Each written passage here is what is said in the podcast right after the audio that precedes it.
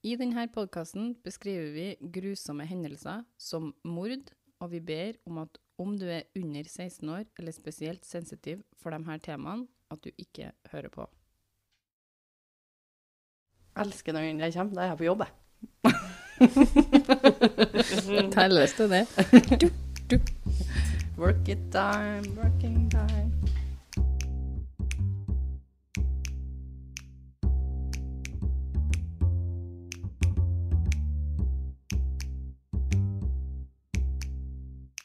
Hei, hei, alle sammen. Dere hører nå på en ny episode av En liten pause med meg, Maria, og søstrene mine. Andrea? Og Martine. Like overraska hver gang, dere. Mm. Har dere noe interessant å fortelle? jenter? Har dere hørt noen bra podkaster? Skjedd noe bra TV-serier? Har dere Jeg kan fortelle hva jeg gjorde i går. Ja. Uh, jeg tok meg tida til å bare shave legger og alt. Det har jeg ikke gjort på noen måneder. fra topp til tå? Mm -hmm. Jeg trodde det var varulv, jeg. På halloween. Mm, tok det til halloween? Så ikke folk skulle tro jeg var en varulv. ja. Jeg har vært og Men var det hele historien din? Ja, det- That's it. That's it? At det var Ja, liksom eventen din i går? Prøve å huske på noe spennende jeg har gjort. Du er hårete når det blir Tema, ja. Enn du, Andrea? Har du skeiva? Nei, jeg har vært på konsert. Eller hun lar det gro. Det blir ikke noen slikkerier når du gjør det, vet du. Slikkerier. Jeg har vært på konsert. Ja, det kan være, her kan være på konsert. Jonas Brekke. Veldig bra. Veldig bra. Han var Jensen, eller? Nei, de andre han husker ikke jeg navnene på, Nei, OK. så det vet jeg man skal nevne. Men de var veldig bra, de to andre. Jeg har ikke noe interessant å fortelle heller. Du har ikke det? Har ikke du skjeva deg, du nei? Nei. Ikke uka her. Ikke året her. 2020. Har du vaska håret, da? Nei. Nesten. 2020 kan bare gå i glemmeboka. Mhm. Nei, jeg tenkte bare at jeg skulle nevne til lytterne våre at det er tvillingene her som har kontroll på sosiale mediene våre for tida. Og tvillingene her, de er full av dysleksi. Så eh, jeg ser når jeg er inne og sjekker på PC-en og sånn, at det er litt skrivefeil. Noen Bare- ord som mangler. Det er bare sjarmerende. Ja, ja. Så det, jeg, bare, jeg bare nevner det sånn at de ikke tror at vi, dere, det er tolvåringer som er er satt på her. At jeg ikke blir med i den bølgen der, ja, det er viktig. Nei, men jeg vet at dere prøver deres beste. Ja. At eh, deres beste ofte ikke er godt nok, men eh, sånn er det. Det er det det det er. Jeg tenker det er bare sånne sjarmerende skrivefeil. jeg. Ja. Kan noen ganger jeg ser sjøl at jeg ikke engang klarer å lese hva det står. Eh, Noen ganger leser jeg det og sier sånn, hva er det jeg egentlig med det her? Hva har jeg skrevet? Så kan jeg være litt ivrig, da, vet du, og svare på ting. Ja. Så gir det egentlig ingen mening etterpå. Da mangler du to veldig vesentlige ord som ikke ble med, som var bare i hodet ditt. Mm. Men eh, så langt har folk forstått oss, håper jeg. Det håper vi. Dere jobber godt, da. Men du Maria, hva er det dagens episode handler om? Dagens episode skal handle om et drap som har skjedd i 1992 i Baton Rouge, Louisiana i USA. Det er en japansk utvekslingsstudent som heter Yoshiri Hatori, som blir drept. Det skjer ikke på halloween, det skjer på en eh, eh, Han skal til en halloweenfest. Det er litt før. Jeg tror det er 17. oktober, kanskje. OK? Så det er litt før halloween, men det er halloween-tema. Temauke. Det handler om noe halloween-aktig, i hvert fall. Skal vi på start? Mm. Ja. Yoshiro, som bare ble kalt Yoshi av kjente og kjære, var født i Nagoya i Japan som det mellomste barnet i Hatori-familien. Han elska rugby og fisking når han vokste opp. Yoshi var 16 år i 1992 når han sendte inn en søknad om å få være med på AFS, American Field Service, som var et utvekslingsprogram som hadde studenter over hele verden. Foreldrene til Yoshi, Masa og Mieko Hatori, sier i et intervju med BBC at han først ikke var sånn kjempeivrig etter å dra til Amerika, men han ble veldig spent og glad når han ble godkjent inn i det programmet her. De sier videre at han eh, skrev at han ønska å gjøre de landene han besøkte, til sine andre hjem, så han var veldig sånn opptatt av å bli kjent med kulturen og føle seg som en del av den, og var ivrig etter å vise vertsfamiliene japansk mat og tradisjoner. Han gledde seg til det, han. Vertsfamilien som hadde den boende til seg, forklarte at han Yoshi gjorde skikkelig inntrykk på dem. Han var en ekstrovert, En fyr full av liv, og at ungene på høyskolen digga han fordi han var en sånn veldig sånn fri sjel. Sånn livat. Livatt type. En fyr som virkelig satte sine spor hos dem. Yoshi hadde spilt rugby i Japan, men han meldte seg opp til jazzdans når han kom til USA. Oi. Vertsmora hans sier at han bevegde seg gjennom rom, liksom rommene han gikk i, da, som om han var en danser. Han hadde en litt sånn jeg vet ikke hva Fløyt litt ja, over gulvet. ja. Så ikke sånn som Andrea går. Og vertsmora fiksa en sykkel til han, sånn at han kunne komme seg til og fra jazztrening, så han drev og sykla rundt omkring. Så sommeren 1992 tok altså Haymaker-familien, vertsfamilien hans, mot den i Dallas og tok han med seg til hjemmet sitt i Baton Rouge. Der skulle hun bo et år mens han var på utvekslingsår i USA. Haymaker-familien besto av dr. Holly Haymaker, Dick Haymaker, Oi. For oss er det veldig uvanlig navn. Han heter Ja. eh, Richard, da. Men Men de forkorter det til Dick. Dick. Jeg skjønner ikke den der. Det er jo, det, det er jo nei, han heter Knut, men vi bare forkorter den til Kuk. Blir kalt Dick. Dick Haymaker. Ja. Ja. Jeg må bare få lov til å er kommentere navnet. Det setter meg akkurat det navnet. Ja, jeg og jeg hører han er- flere som liksom heter Dick. Så Haymaker-familien besto av dr. Holly Haymaker, Dick Haymaker og sønnen deres Webb, som også var 16 år, sånn som Yoshi. Webb forklarer i intervjuet med BBC at Yoshi hadde en stor appetitt for livet og elska å oppleve ting. Webb og Yoshi dro på en bluesfestival i september det året Yoshi kom for å bo med dem, og der møtte de noen ungdommer som introduserte Yoshi til en annen utvekslingsstudent fra Japan. Og det var sånn de ble invitert til en halloweenfest når halloween nærma seg. Den 17. oktober i 1992, to måneder inn i utvekslingsåret til en Yoshi, drar Yoshi og Webb av gårde på en halloweenfest. Eller til en halloweenfest. Yoshi hadde ifølge flere av kildene mine kledd seg ut som en John Travolta sin karakter i Saturday Night Fever. Oh. Han var veldig fan av en John Travolta. Han så, de hadde sett alle filmene til John Travolta, han, eh, han var liksom sånn Det var Han var kul. Eh, Så han hadde kledd seg ut han, med hvit dress og alt. Ja. Mens Webb hadde tatt på seg en sånn krage rundt halsen, Ja. som du får når du har Landa i bilulykker og sånn. Ja, han hadde en sånn en, så han bare tok en sånn en på seg. eh, for han skulle være noen som hadde skada seg, så tok han noen bandasjer på kroppen for å Han var ikke noe sånn kjempeinvestert, men han Tok det han hadde. De drar av gårde, og dette er jo før mobil og sånn. Og de eh, hadde en adresse, og i sånn tru 90-tallsstil så hadde de den egentlig bare i hodet. De måtte ha hørt hvor den var. Så sikkert noen som har sagt dere kjører ned hit, dere tar dit, dere ser en butikk, og så går ja, sånn. Og de bare ja, gotcha. Dit drar vi. Gikk de? Nei, de kjører. De kommer til et sånne, litt sånn stille nabolag, hvor festen skulle være. Uh, Webb sier at de endte opp i ei gate uh, og så et hus med masse halloween-dekorasjon. Og det var tre biler i oppkjørselen, og adressen var 10311. Altså, om det var nummeret på huset eller hva det var, vet jeg, men de sier at adressen var det her. 10311. Som Web sier, han liksom gjenkjenner litt de numrene her, og sier liksom det her, det her det er. Så Webb sier det er riktig hus, vi går og ringer på. Som går og ringer på. Men ingen åpner. som ringer på en gang til, da. Hører de noe musikk og sånn? Nei, de gjør egentlig ikke det. Uh, får ikke noe svar andre gangen de ringer på heller. Så Webb forklarer i det BBC-intervjuet at de ser ei dame dukke opp i ei sidedør. Men hun lukker døra kjempefort, og før de får sagt noe, liksom, så har hun lukka døra igjen. Og videre forklarer han at Webb og Yoshi da begynte å forlate oppkjørselen litt sånn, litt sånn forvirra. Når Heller liksom sånn OK, det var litt snedig.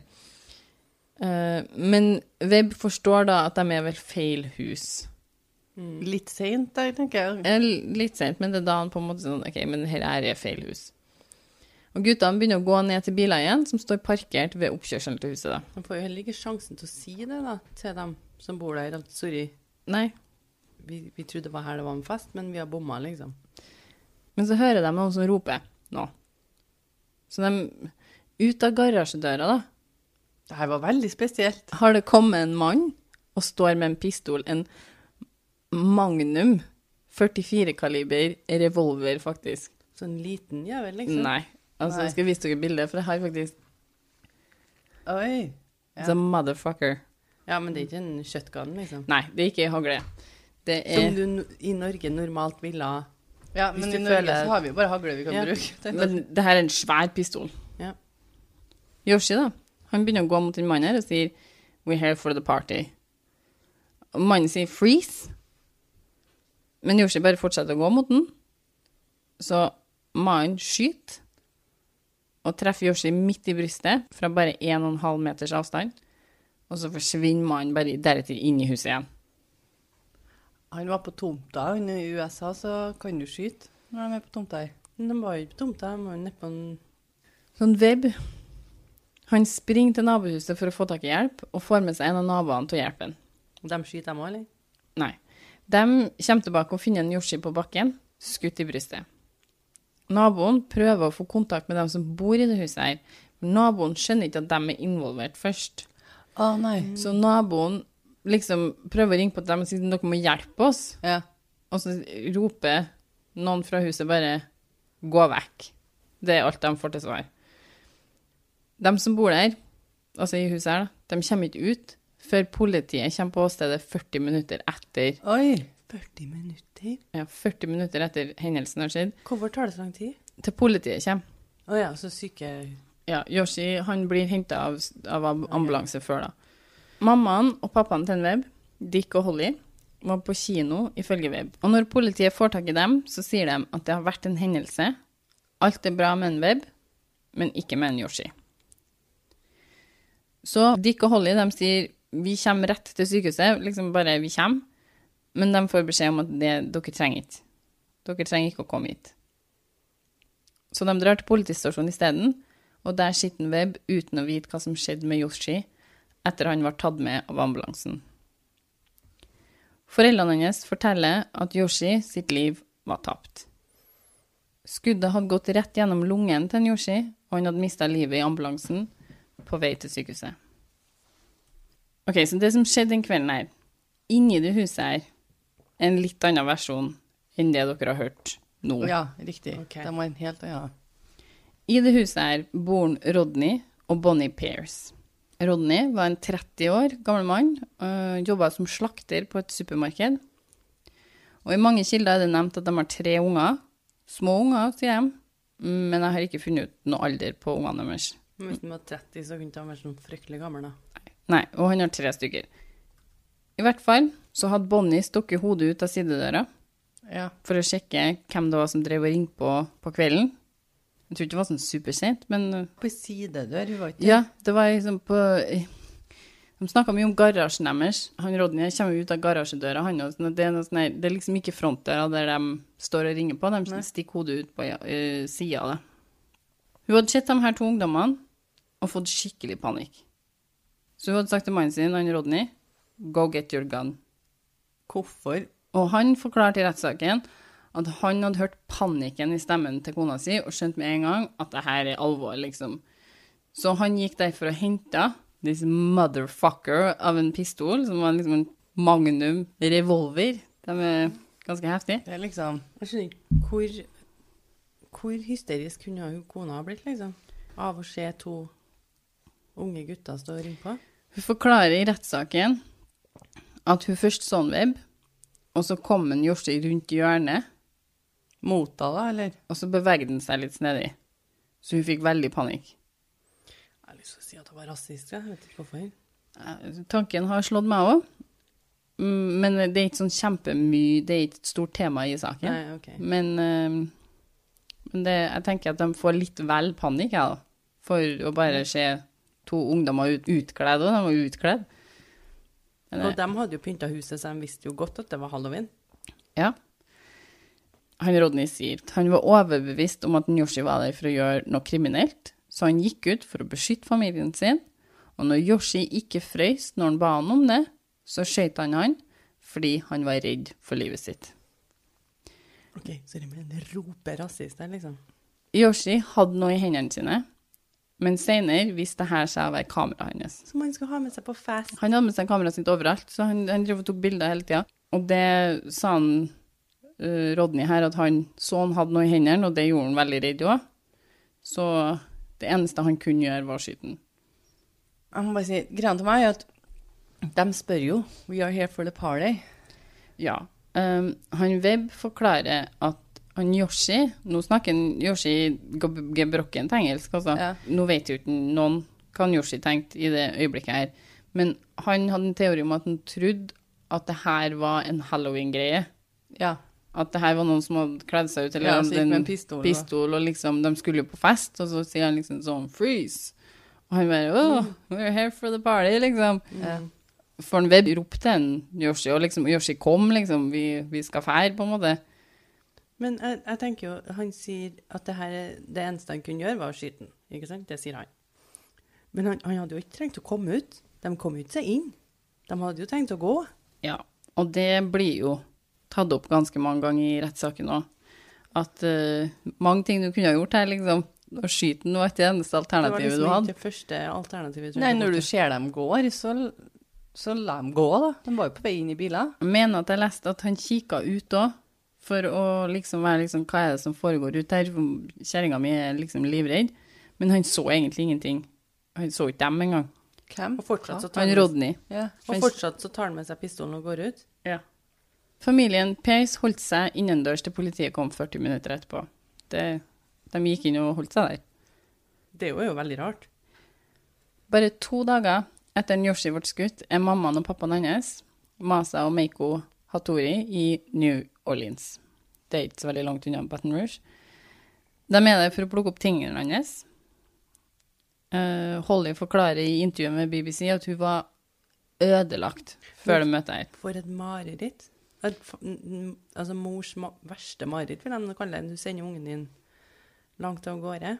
Og det var det Holly kjente på. Liksom, hun skulle liksom passe på ungen deres, eh, og så hadde han blitt drept av alle ting. Mm. Men en av Masa og Meiko sine første spørsmål var hvordan går det med en web? Som hadde vært der når Ja. det skjedde. Så de var jo veldig omsorgsfulle, de menneskene her òg. Ja, og de klandra ikke Haymaker-familien for noe av det som hadde skjedd. Masa og Meiko lot ikke tida gå fra seg. De begynte allerede på et utkast til ei begjæring om bedre våpenkontroll i USA på flyet over til Japan igjen. De var hit the ground, ground running, altså. Kan jeg, nå ikke sikkert du vet svaret på det her, men jeg har lyst til å spørre deg, hvordan er våpenkontrollen i Japan? Veldig streng.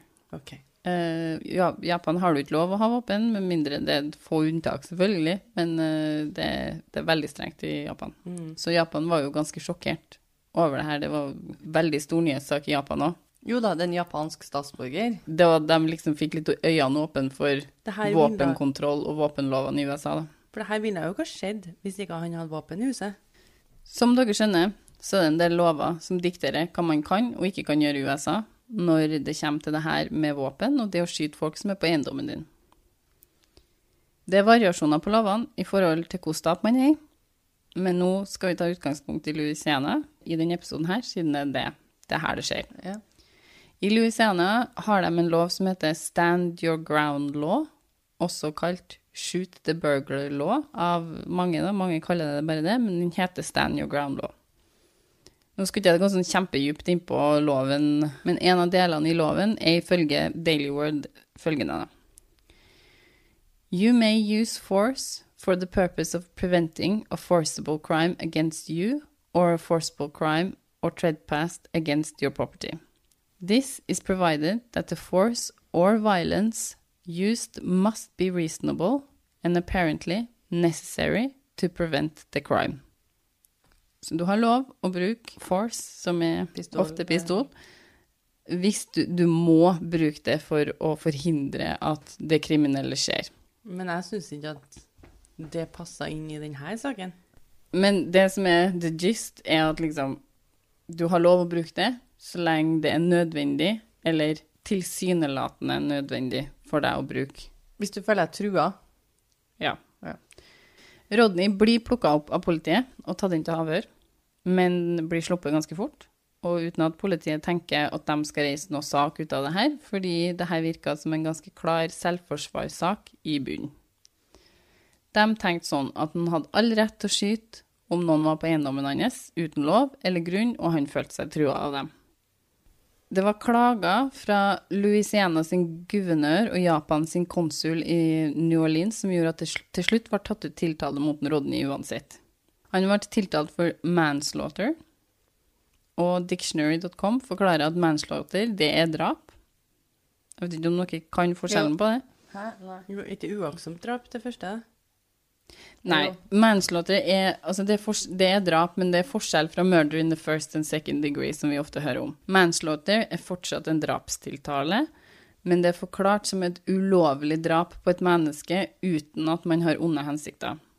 Så man har drept Ja, noen, riktig. men man har på en måte ikke gjort det. Han vil ikke gjøre det Han vil ikke, egentlig ikke gjøre den personen noe ondt. Han har gjort det fordi at han føler at han må. Ja. Eh, grunnen til at jeg forklarer det, er for at jeg har vært litt forvirra sjøl. Mm. Det er forskjell på frivillig manslaughter og ufrivillig manslaughter. Frivillig er når man dreper noen, men det er fordi man blir provosert, rasende, sint, redd, sånne ting, på grunn av den andre personen. Og ender opp med å drepe noen uten at man hadde tenkt man skulle gjøre det i første omgang. Så det er ikke planlagt. Nei, men du gjør det frivillig. Altså, det, det er et valg du tar fremdeles. Det er frivillig manslaughter, sant? Ufrivillig menslåter er når man dreper noen uten at det var hensikten med det man gjorde. Kjøring når man er påvirka av rus, f.eks. Man setter ikke seg inn i biler påvirka av rus med hensikt om å drepe noen, mm, men man ender kanskje opp med det, og da får man det, den tiltalen ufrivillig manslaughter. Eller involuntary manslaughter, som det heter på engelsk. Og voluntary manslaughter er jo frivillig manslaughter.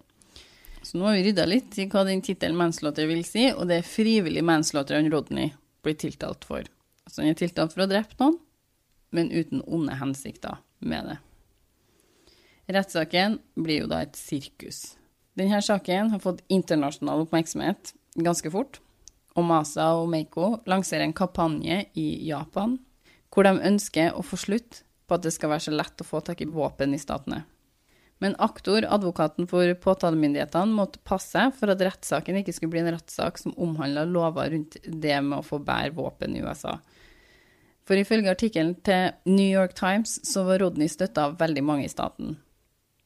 Mens Japan, hvor den saken her var front page news i mange uker, altså, så forsto de ingenting.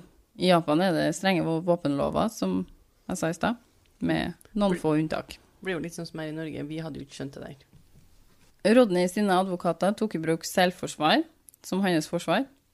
Rodney forklarer at han og Bonnie var livredd, og at han måtte forsvare familien sin mot det de anså som en trussel. Yoshi blir forklart som truende, og de sier at han bevegde seg merkelig. Var det for at han dansa det, eller? Kan jo være at han var i godt Han humør. fløy var, jo litt sånn. nei, men han var jo kledd ut som John Travolta. Han var jo sikkert i topphumør og skulle på fest. De forklarer han jo som om han beveger seg litt gjennom rom, litt sånn Mm. på en danservis, eller sånn dansende, eller så Det kan være at den beveger Bevegde seg litt rart. litt annerledes enn folk flest. Men ikke så rart at du føler at han her truer meg, liksom. Det skal, det skal mye bevegelse til. når du står med en pistol i handa, vil jeg tro, nå har jeg aldri stått med en pistol i handa, men når du har en pistol, du er i huset ditt, det er ingen tegn på at de prøver å komme seg inn. Jeg har jo stått der, hvis jeg har stått der, jeg må bare si det, hvis jeg har stått der med ungene inn, og så har jeg syntes at det her var skikkelig ekkelt, så jeg jo blitt redd, men selvfølgelig, vi ringer jo politiet, vi har jo ikke, pistoler tilgjengelig. Men hvis du hadde hatt pistol tilgjengelig, hadde du sendt mannen din ut? Nei, Altså, du hadde jo sagt, sett deg her med pistolen, Ja. sånn at hvis noe skjer, og Ja. så ringer vi politiet. Så vi kan jo gjøre oss klar. Ja. ja, men, ja, ja. Men det der er jo en av grunnene til at det skjer litt mer i USA òg, for at de har muligheten til å gjøre det. Ja. Og, og de kan slippe fri, fordi at det de er på tomta deres og bla, bla, bla. Det som må bevises om man ikke skal dømmes på grunnlag, på grunnlag av selvforsvar som følge av en stand your ground-law, er ifølge scholarship law følgende, da. Og det her har jeg oversatt, så loosely oversatt her, eh, for å få det mest mulig forståelig. Det må ha vært en trussel, ekte eller tilsynelatende, av dødelig kraft mot tiltalte. Trusselen må ha vært ulovlig og umiddelbar. Tiltalte må ha følt at han var i en overhengende fare for å dø eller bli kraftig skada, og at hans respons må ha vært nødvendig for å kunne forsvare seg. Så i mitt hode ikke det han Rodney har gjort. Nei, Nei. det var det jeg skulle til å si i sted når du leste det andre på engelsk, at det passa jo ikke. Nei. Det hører, altså for han hadde all mulighet til å ringe politiet. Han hadde all mulighet til å gjemme seg eller stenge seg inn, eller Jeg føler han tar en avgjørelse idet han går ut av huset. Det tenker jeg òg. Det var ikke sånn at de sto smelt på døra og kom ut, liksom. Under rettssaken blir Rodney forklart som bare en av naboene. En hvilken som helst eh, mann som bare forsvarte seg sjøl og sin familie. Og han hadde all rett til å forsvare seg mot noe som han anså som en umiddelbar trussel mot seg sjøl og hans familie. Det er sånn han blir liksom framstilt, da. Ifølge en New York-artikkel jeg leste, så var det en av uh, jurypoolen, når de Ja. skulle velge ut juryen, som sa følgende A man's home is his castle. Og det her potensielle jurymedlemmet lurte deretter på hvorfor det her overhodet hadde kommet til rettssak. Det sier seg sjøl at han skulle ha skutt den. Ja. Det har han hadde jo all rett til det, på en måte. Og akkurat det her potensielle jurymedlemmet da ble ikke tatt ut, selvfølgelig. Nei, det hørtes jo lurt ut. Men det her var en sak som virkelig satte i sving det her ganske godt ruta tanken om at man skal kunne forsvare seg hjemmet sitt da, om man må. Under rettssaken så kommer det fram at det ikke gikk mer enn litt over et minutt fra guttene ringte på døra, til Yoshi var skutt av Rodney. Et Oi. minutt? Påtalemyndighetene spør om hvordan det var mulig å gjøre det her uten å stoppe og tenke litt. Hvordan kan man gå og hente et stort våpen uten å stoppe og tenke litt på hva er det egentlig som foregår nå? Rodney ringer aldri politiet, f.eks. Hvor, hvor, Men jeg skjønner ikke, ja. Hvor gamle er de guttene her? 16. 16. Se, det er 16-åringer. Det er unge gutter.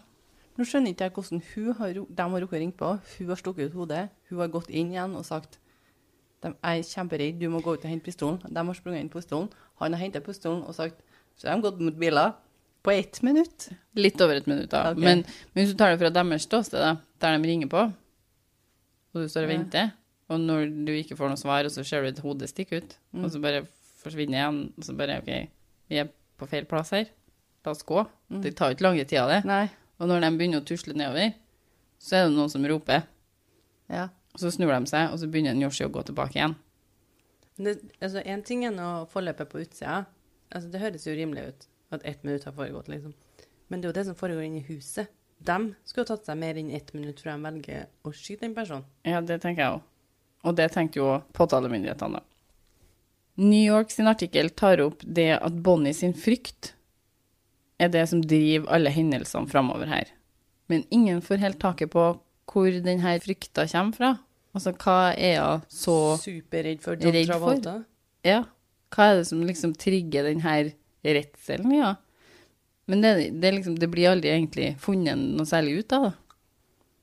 Kjenner litt på den Men både hun og Rodney er forferdelig lei seg for det som har skjedd. Altså, de, okay, de de står fram som, som knust. Og Rodney, han eier aldri våpen igjen.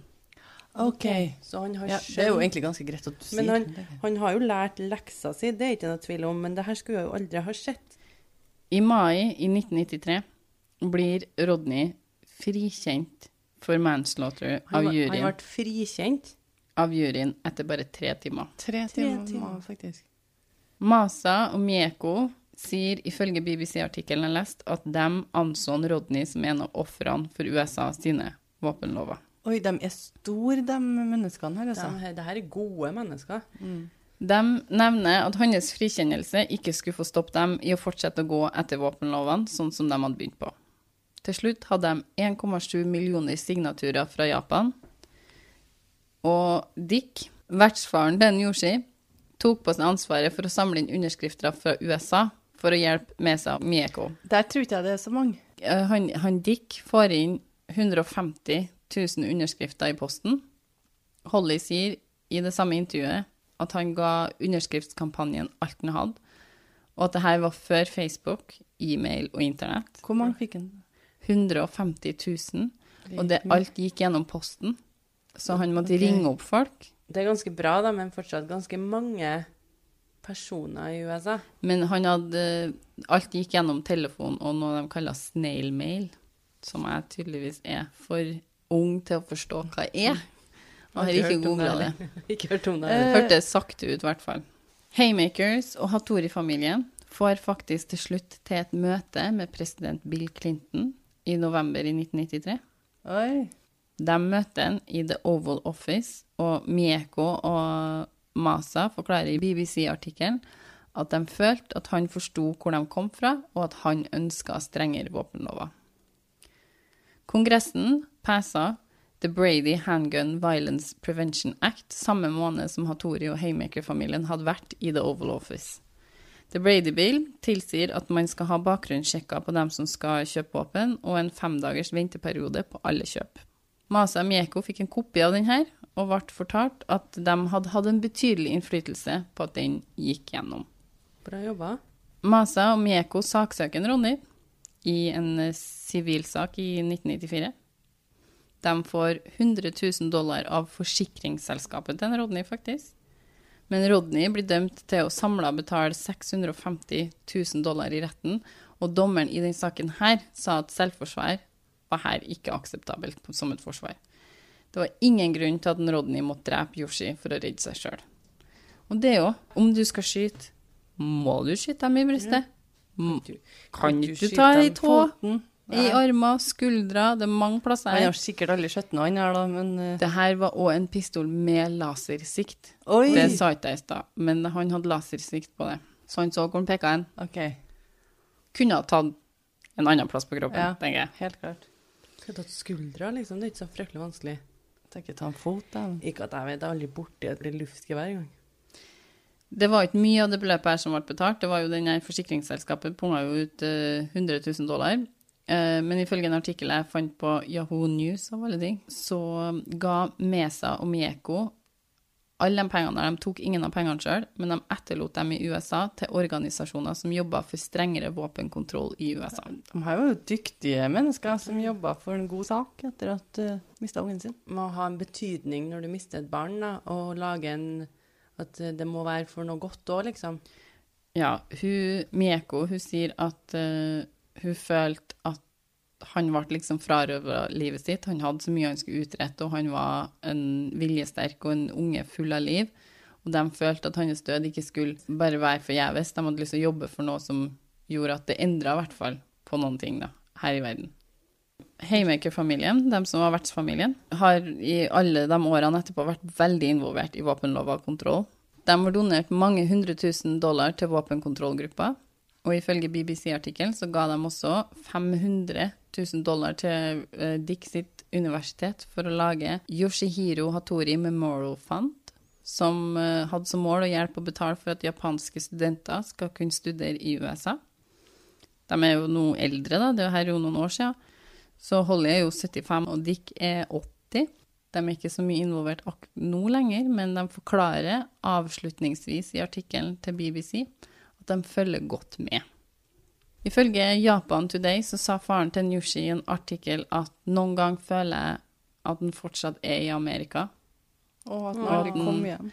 En dag skal komme hjem, sier jeg til meg sjøl.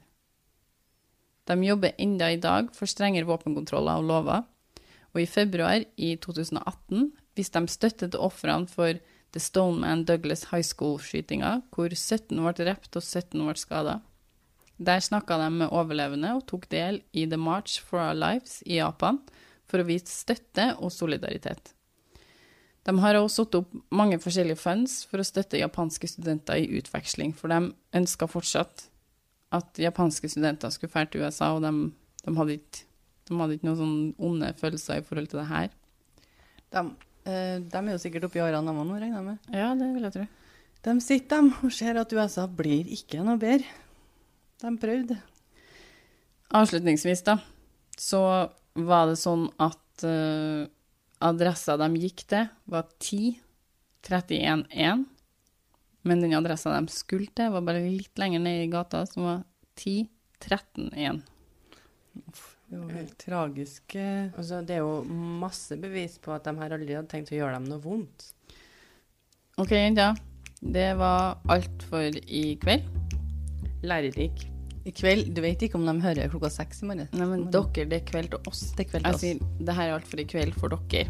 Ok. Syns det var en ganske OK episode sånn i forhold til å rydde litt i den her manslaughter og firearms-greia. Det er mye interessant i USA som jeg egentlig hører mye i manslaughter, men jeg liksom aldri Jeg trodde kanskje at det var At det bare Uaktsomt drap, liksom. Ja, uaktsomt drap. Det, det var der jeg Jeg syns det ordet er så jævlig jeg tenkte at det var liksom Ja, manslaughter. Jeg tenkte at det var det verste Ja. av det verste. Er? Men når du har forklart det nå, så makes sense. Ja, så det vet vi til neste gang det dukker opp, sant? Da gjenstår det bare å si følg oss gjerne på Instagram. Gjerne kommenter hvis du har noe du skal si om denne episoden her. Har du mer info rundt det her med våpenlova? Er det noe vi har sagt som ikke stemmer, f.eks.? Eller jeg har misforstått eller forklart feil? Gi oss beskjed. Ja. På en liten pause. Og hvis dere har masse å fortelle oss, eller har lyst til å bare sende oss en koselig mail, så har vi mail også. En liten pause podcast at gmail.com. Sammenhengende. Tror det sånn- er det du venter på. Nei, jeg mener så jeg bare sånn Det er noe jeg bare sier. Ha det. Ha det.